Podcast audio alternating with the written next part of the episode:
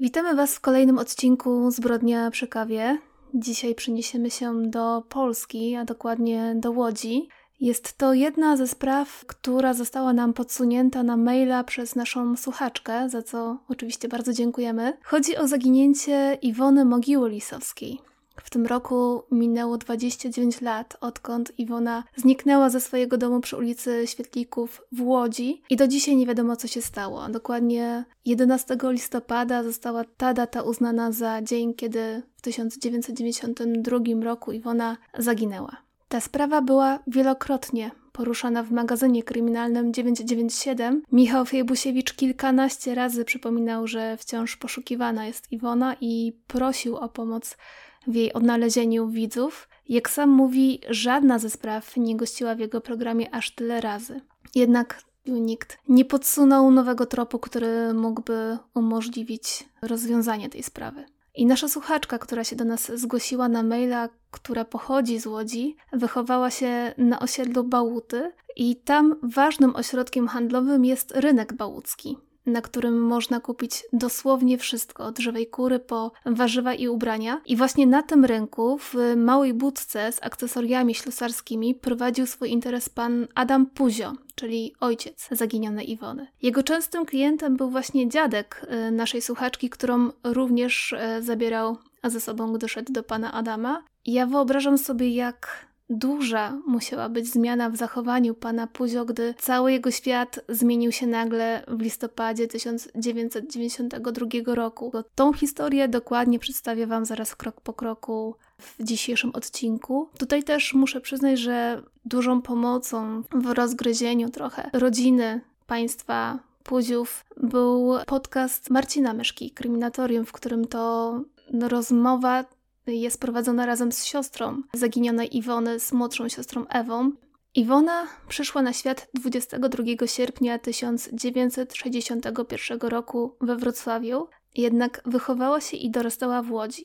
Miała ciemne, kręcone włosy i zielone oczy. Wyróżniała się urodą, co też widać na załączonym do odcinka zdjęciu.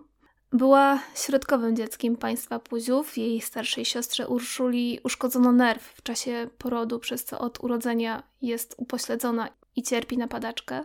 Iwona studiowała kulturoznawstwo na Uniwersytecie Łódzkim, choć jej tata od zawsze widział ją na medycynie, jednak Iwona nie potrafiła znieść widoku krwi. Jeszcze na studiach poznała starszego od siebie Macieja, z którym wzięła po jakimś czasie ślub. Niestety w 1987 roku małżeństwo się rozpadło, gdy Iwona jeszcze była na studiach. Kobieta bardzo kochała Macieja, jednak ciągłe awantury, kłótnie były dla pary no, nie do przejścia i stwierdzili, że, że niestety muszą się rozstać, mimo że bardzo kochała Macieja, a Maciej w oczach rodziny był taką bardzo opiekuńczą osobą w stosunku do Iwony. Po skończeniu studiów postanowiła, że chce zacząć od nowa, na świeżo. Chciała kupić e, dom z działką i kupiła dom e, do remontu. W tym zakupie pomogli jej rodzice. I aby było ją na ten remont stać, jeździła do Niemiec, żeby sobie dorobić jako kelnerka w restauracji koło miejscowości Mannheim, gdzie prowadziła też jej właścicielom księgowość. Jednak po około dwóch latach była już tymi wyjazdami zmęczona, no i zapragnęła osiąść w Łodzi na stałe i założyć rodzinę, a także może rozpocząć już tak na poważnie pracę w swoim zawodzie. I tak dostała wymarzoną posadę dziennikarki w nieistniejącej już łódzkiej telewizji Tele24. W międzyczasie też ścieżki życiowe jej i Macieja na nowo się skrzyżowały i para postanowiła dać sobie jeszcze jedną szansę. Sam Maciej zajmował się prowadzeniem swojej szkoły sztuk walki. Był uznanym w Polsce karateką, a oprócz tego prowadził też zajęcia w szkole filmowej, a także kursy związane ze sztukami walki, w tym kursy dla służb specjalnych. I gdy Iwona była w Niemczech, zajmował się domem i doglądał też remontu, ponieważ dobudowywane było pomieszczenie gospodarcze i garaż.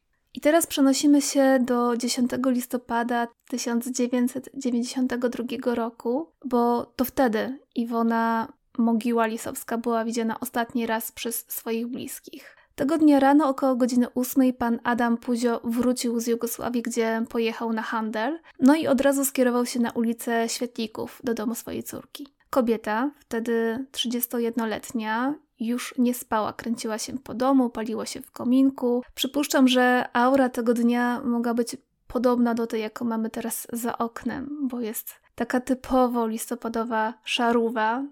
Jak wspomina pan Adam, postawił na stole szampana, bo wiedział, że Iwona bardzo go lubi. Kobieta podziękowała, że o niej pamiętał, no i zapytała, czy planuje pan Adam dzisiaj porobić coś na budowie, ponieważ jej ojciec pomagał przy tym remoncie domu. Pan Adam jednak e, zmęczony był po podróży i powiedział, że przyjedzie jutro, bo teraz musi trochę odpocząć. Później, to jest koło godziny 16, Iwona przyjechała z Maciejem jeszcze do matki, która tego dnia pracowała w sklepie rybnym. Wzięła od niej klucze do domu rodziców i tak jak zwykle zabierała przygotowany dla robotników budowy obiad i wróciła z Maciejem do domu.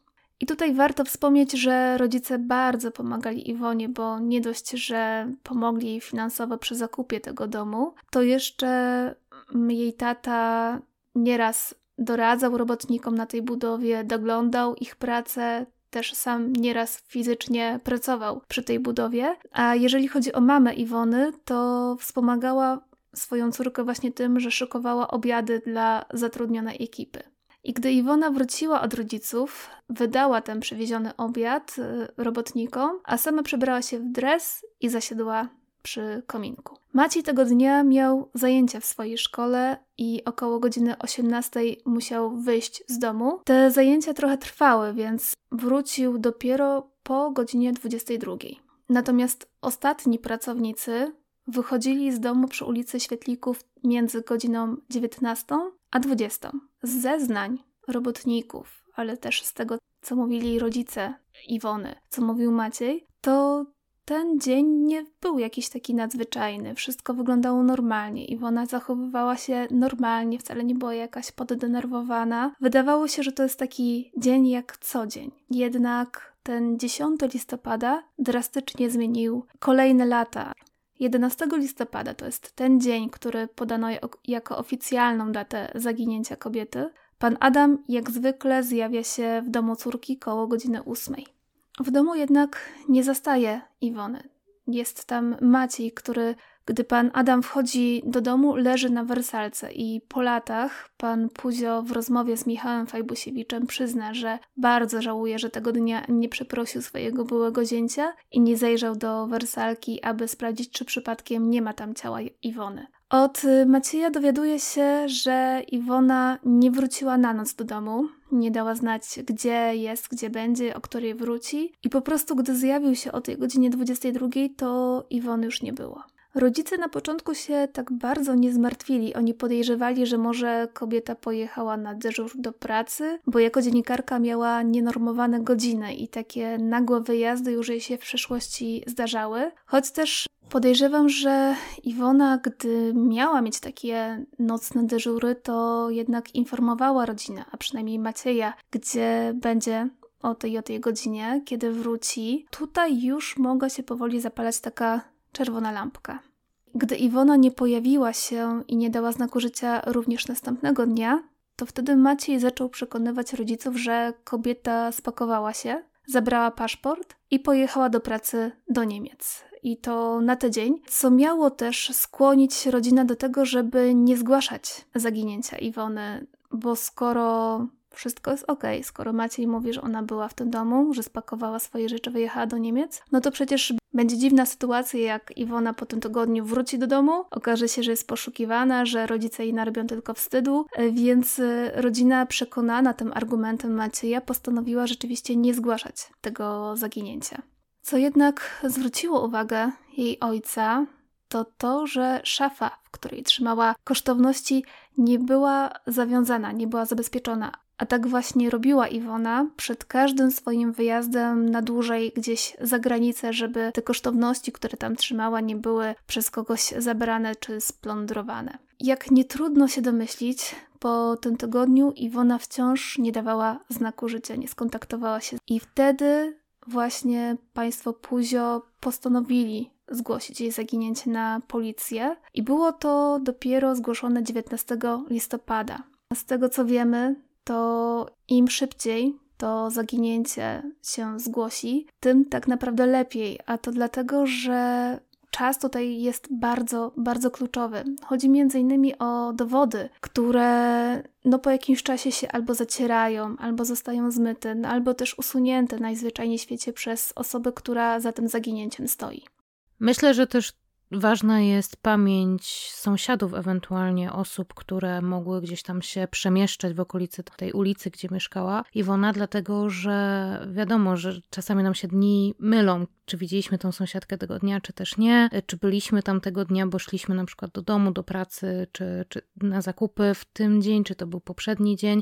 Także im szybciej, tym jest większa pewność, że faktycznie ta pamięć świadków będzie bardziej akuratna, a nie będzie już taka nadpisana, bo ktoś będzie chciał pomóc, to mu się pomylą dni, kiedy widział tą osobę.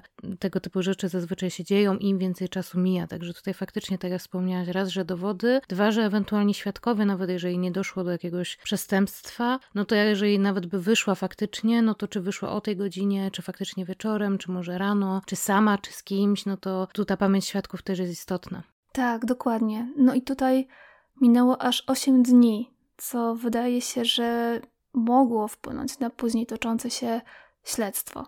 Dodatkowo w momencie zaginięcia Iwony zniknął też z jednego z pomieszczeń dywan.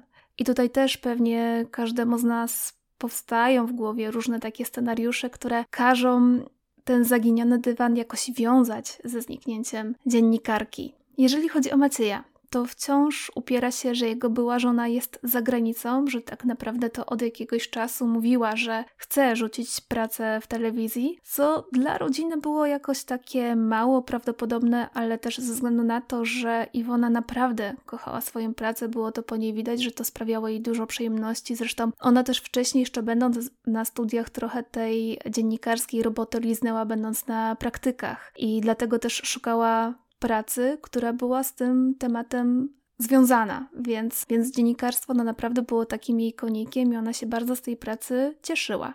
W grę nie wchodziło również to, żeby kobieta chciała odciąć się od dotychczasowego życia, bo takie hipotezy też się pojawiały na pewnym etapie śledztwa. Ale argumentem przeczącym tej hipotezie było to, że kiedyś Kobieta powiedziała rodzicom, że za granicą mogłaby wytrzymać maksymalnie 2-3 miesiące, ale nie dłużej. I za tym argumentem też może przemawiać fakt, że gdy była na dłuższym wyjeździe właśnie gdzieś za granicą, to poznała kogoś, kto jej się tam oświadczył, jednak ona sama nie wyobrażała sobie zamieszkać poza Polską na stałe, a ta osoba też nie mogła sobie pozwolić na to, żeby przenieść się do Polski i tak ta romantyczna relacja się rozpadła. W trakcie poszukiwań Iwony pan Adam jeździł do Niemiec z nadzieją, że może znajdzie tam Iwonę i w akcie desperacji zgłaszał się do przeróżnych jasnowidzów, a każdy rzucony przez nich trop był sprawdzany przez pana Adama. I tak na przykład jedna kobieta z Łodzi powiedziała, że gdy Iwona się kąpała, zabił ją wysoki starszy mężczyzna.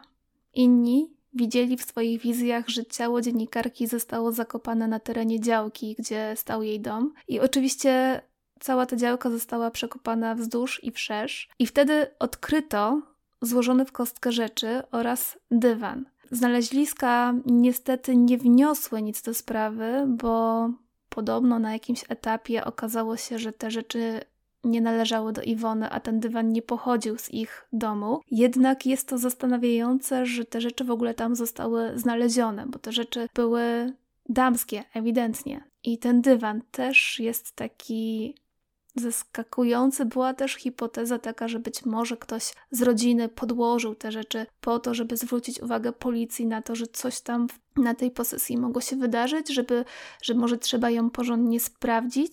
No nie wiem, co te rzeczy mogą oznaczyć, jaki mogły mieć związek, czy w ogóle miały związek ze sprawą. No jest to jedna z takich e, zresztą wielu tajemnic, zagadek w tej sprawie. Kolejny jasnowic wskazał Zalew Sulejowski. Został on przeszukany przez wynajętych przez ojca płetwonurków, jednak tym razem nic nie znaleziono. Kilku jasnowidzów kazało szukać ciała Iwony w lasach koło Tomaszowa Mazowieckiego. Jeszcze inny kazał zrobić dokładną mapę wskazanego przez siebie terenu w Łodzi, co kosztowało pana Adama sporo pieniędzy. I okazało się, że był to cmentarz żydowski przy ulicy Brackiej, gdzie pan Adam szukał Iwony, zaglądając do grobów, bo miał jeszcze taką myśl, że być może jej ciało zostało ukryte w którymś z tych grobów.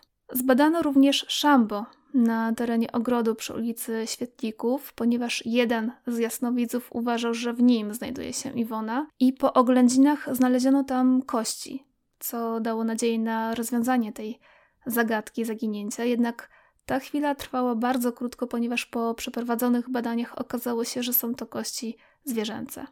Przez lata śledztwo było umarzane i wznawiane kilkadziesiąt razy, a wznawianie głównie odbywało się dzięki ingerencji i naciskom ojca Iwony. Co może szokować, to fakt, że policja zjawiła się w domu Iwony, aby przeszukać tą posiadłość dopiero kilka miesięcy po zgłoszeniu zaginięcia. Tak jak tutaj wcześniej jeszcze wspominałyśmy o tym, jaki czas jest ważny przy tego typu sprawach. Podejrzewam, że może nie było to brane na poważnie, w cudzysłowie oczywiście, na zasadzie były przesłanki jakieś, żeby sądzić, że mogła faktycznie wyjechać za granicę, ponieważ wyjeżdżała. No dorosła osoba, znamy tą całą narrację, że teoretycznie mogła podjąć taką decyzję, żeby rzucić wszystko, wyjechać za granicę.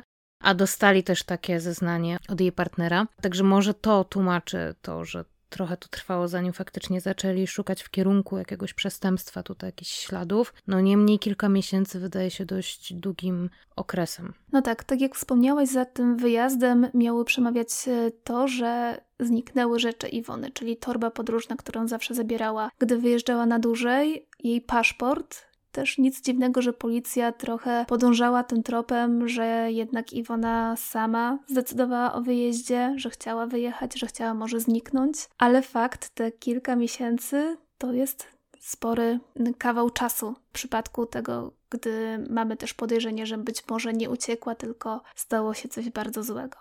Tak samo dopiero po kilku latach na miejsce weszli śledczy z kamerami termowizyjnymi, aby dokładnie zbadać każdy zakamarek. No i to też nie doprowadziło do jakiegokolwiek przełomu w tej sprawie, a warto zaznaczyć, że tutaj rodzina też o to walczyła, żeby zabrać jakieś takie fachowe urządzenia na miejsce i porządnie przeszukać metr po metrze całą posiadłość. Jak wspomniałam, w magazynie kryminalnym 997 u Michała Fajbusiewicza była to najczęściej pojawiająca się sprawa, a to też dzięki ingerencji pana Adama. I tutaj to są słowa Michała Fajbusiewicza. Trzeba podziwiać pana Puzia za determinację, z jaką dąży do wyjaśnienia sprawy zaginięcia córki. Pamiętam, że kiedyś czekał trzy noce w samochodzie przed moim domem, by spotkać się ze mną, a ja akurat byłem poza łodzią na nagraniu. I to też nam mówi o takiej determinacji ojca, który poszukuje odpowiedzi na pytanie, co się stało z jego córką, i która nie daje mu spokoju, bo jednak mimo przypominania tej sprawy co jakiś czas w programie i nawoływań widzów, aby kontaktowali się, jeżeli cokolwiek kojarzą, czy byli świadkiem dziwnej sytuacji lub kojarzą kobietę z portretu, no nie przyniosło to oczekiwanego efektu. I warto tutaj wspomnieć, że program, magazyn kryminalny pomógł w rozwiązaniu, tam chyba doczytałam, nawet 200 spraw kryminalnych. Więc to rzeczywiście takie mówienie o, o tych zaginionych osobach, pokazywanie ich portretu, pokazywanie tej okolicy, w której mogło dojść do jakiegoś dziwnego zdarzenia, to rzeczywiście działa i takie programy są moim zdaniem bardzo potrzebne, bo one rzeczywiście pomagają przy sprawach, które wydawałoby się, że są nierozwiązywalne. Po latach pan Adam Puzio wystąpił do sądu o uznanie Iwony za zmarłą i jako datę śmierci przyjęto 31 grudnia 2002 roku. Zrobił to, ponieważ, jak mówi, chciał uregulować sprawy związane z e, domem, który od lat stał pusty i pan Adam w końcu urządził w nim magazyn. Jak sam mówi w jednym z wywiadów, zaginięcie dziecka to najgorsze, co może być dla rodzica, bo na przykład jego sąsiedzi, których dzieci zmarły, to oni mogą przynajmniej pójść na ich grób, wypłakać się, porozmawiać i wrócić do domu, by jakoś dalej normalnie funkcjonować, a on tego nie ma, on tego został pozbawiony. Mimo, że nie wiadomo, co się stało z Iwoną Mogiłą Lisowską, bliscy są przekonani od lat, że kobieta nie żyje. Bo gdyby rzeczywiście wyjechała za granicę, to na pewno by się skontaktowała ze swoją rodziną. W jednym z odcinków magazynu kryminalnego 997, który załączyłam w źródłach, jest bardzo przejmująca scena z panem Adamem, który podczas przeprowadzanego wywiadu demoluje dom córki, zrywa podłogi, wbija się w ścianę. Widać tą desperację, która go motywuje do tego, żeby dalej działać. On naprawdę bardzo, bardzo chciałby się dowiedzieć, co się stało z jego córką. Walczył o to wiele, wiele, wiele lat. I tutaj ewidentnie widzimy człowieka, który jest na skraju tych wszystkich emocji, które go pochłonęły do końca. On chyba już tylko Jedyny jego życiowy cel to jest to, żeby dowiedzieć się, co się stało z Iwoną. Zresztą też w jednym z wywiadów mówi, że on nie spocznie, dopóki nie dowie się, co się stało z jego córką, że on nie chce tym obarczać swojej młodszej córki, która została z synem, tylko on chce jakby doprowadzić tę sprawę do końca i będzie robić wszystko, żeby, żeby osiągnąć swój cel.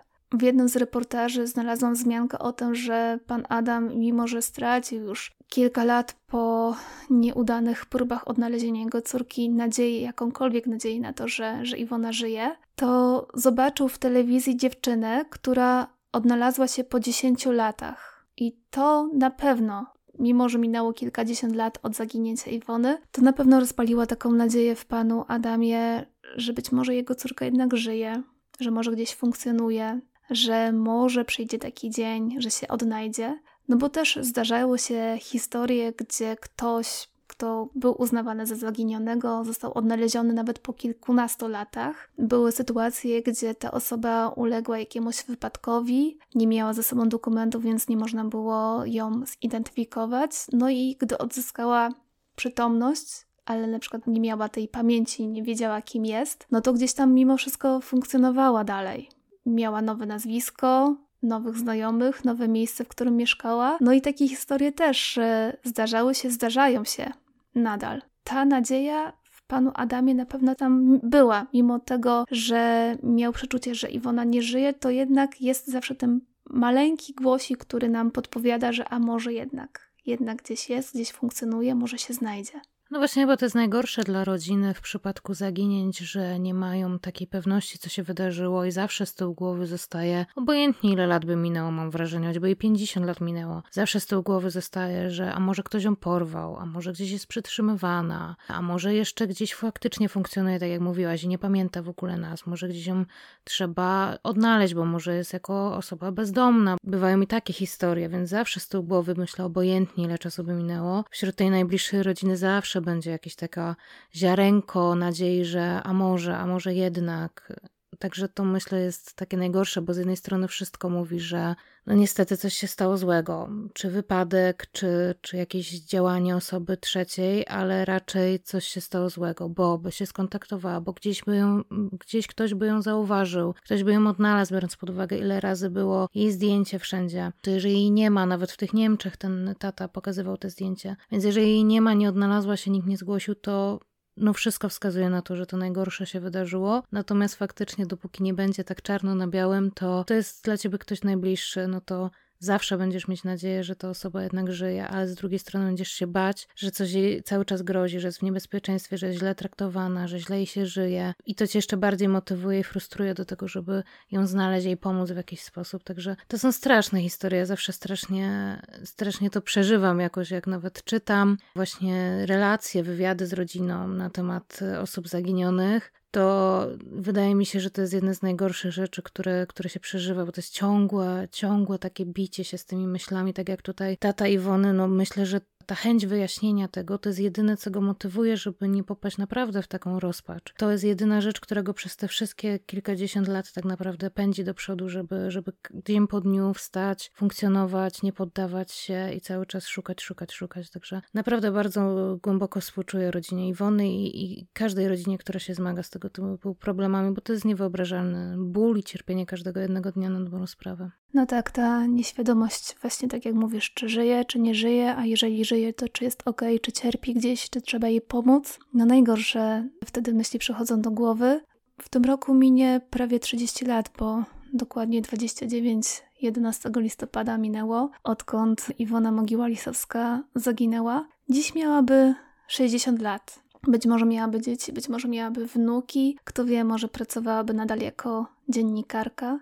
Ja wciąż mam nadzieję, że ta sprawa zostanie rozwiązana, bo no, zdarzają się e, sprawy kryminalne, które potrzebowały bardzo dużo czasu na to, żeby zostać e, rozwiązane, żeby zamknąć ten rozdział dla rodziny, ten bardzo bolesny. Jak wiemy, Archiwum X bardzo dobrze działa, te techniki kryminalne idą e, szybko do przodu i powstają nowe rozwiązania na to, jak dojść do jakichś śladów, jak e, może odwzorować po kolei, krok po kroku, co się mogło wydarzyć z daną osobą, więc ja tutaj wciąż mam nadzieję, że no, rodzina w końcu zazna ten spokój, który przez tyle lat został im skradziony. I szukając też materiałów na temat tego tajemniczego zaginięcia Iwony Mogiły Lisowskiej, natrafiłam na artykuł, który przykuł moją uwagę, a mianowicie Podobno pięcioletnia dziewczynka mieszkająca w domu znajdującym się niedaleko domu Iwony miała być nawiedzana w snach przez kobietę z burzą ciemnych loków, ubraną na czarno, mokrą i brudną. I kobieta ta miała dziewczynie coś ważnego do przekazania, jednak co to była za informacja, to nie wiadomo. Tak samo jak nie wiadomo, czy ten artykuł opierał się na prawdzie, czy to była jakaś tania sensacja, która ma wzbudzić emocje na nowo przy tej sprawie. Przeglądając internet, jest naprawdę dużo spraw dotyczących zaginięć. Niektóre są bardziej nagłaśniane, inne mniej, niektóre udaje się rozwiązać, inne zostaną zagadką na zawsze. No i miejmy nadzieję, że w tym przypadku sprawiedliwości stanie się zadość, a rodzina Iwony w końcu będzie mogła zaznać spokoju, będzie mogła pochować swoją córkę, swoją siostrę i zamknie ten rozdział na zawsze, bo 30 lat prawie to jest szmat czasu. I przeżywając dzień po dniu z myślą, że coś się stało Iwonie, albo wciąż żyje i czemuś nie odzywa, no to musi być naprawdę straszna tortura dla, dla rodziny. Ja sobie tego nie wyobrażam, nawet nie chcę tego sobie wyobrażać. Ja po prostu życzę rodzinie Iwony, żeby no mogli w końcu dowiedzieć się, co się tak naprawdę wydarzyło. No i jeżeli Iwony nie ma już wśród nas, no to pochować ją tak, jak to powinno zostać e, zrobione i móc ją właśnie odwiedzać na grobie, rozmawiać z nią, wypłakać się, no i wrócić jednak do w miarę na tyle, na ile się da, do jakiejś tam normalności. I to już tyle, jeżeli chodzi o dzisiejszy odcinek który był poświęcony Iwonie Mogile Lisowskiej. Wciąż trzymamy kciuki, mamy nadzieję, że sprawa zostanie rozwiązana. Jeszcze zanim zakończymy dzisiejszy odcinek, to chciałybyśmy bardzo podziękować naszym nowym patronom, czyli Chrisowi Fis oraz Marcelowi za ich wsparcie. A osoby, które chciałyby nas wesprzeć, to możecie to zrobić wchodząc na nasz profil na Patronite Zbrodnie przy kawie. Tam macie poszczególne progi wsparcia. Oczywiście jak najbardziej zachęcamy, pomoże nam to rozwinąć dalej nasz podcast. A za tydzień, jak zawsze, przeniesiemy się za granicę. Przeniesiemy się dzięki Oli, która już dla Was szykuje kolejną ciekawą historię do posłuchania na zbrodni przy kawie. A więc do usłyszenia. Do usłyszenia.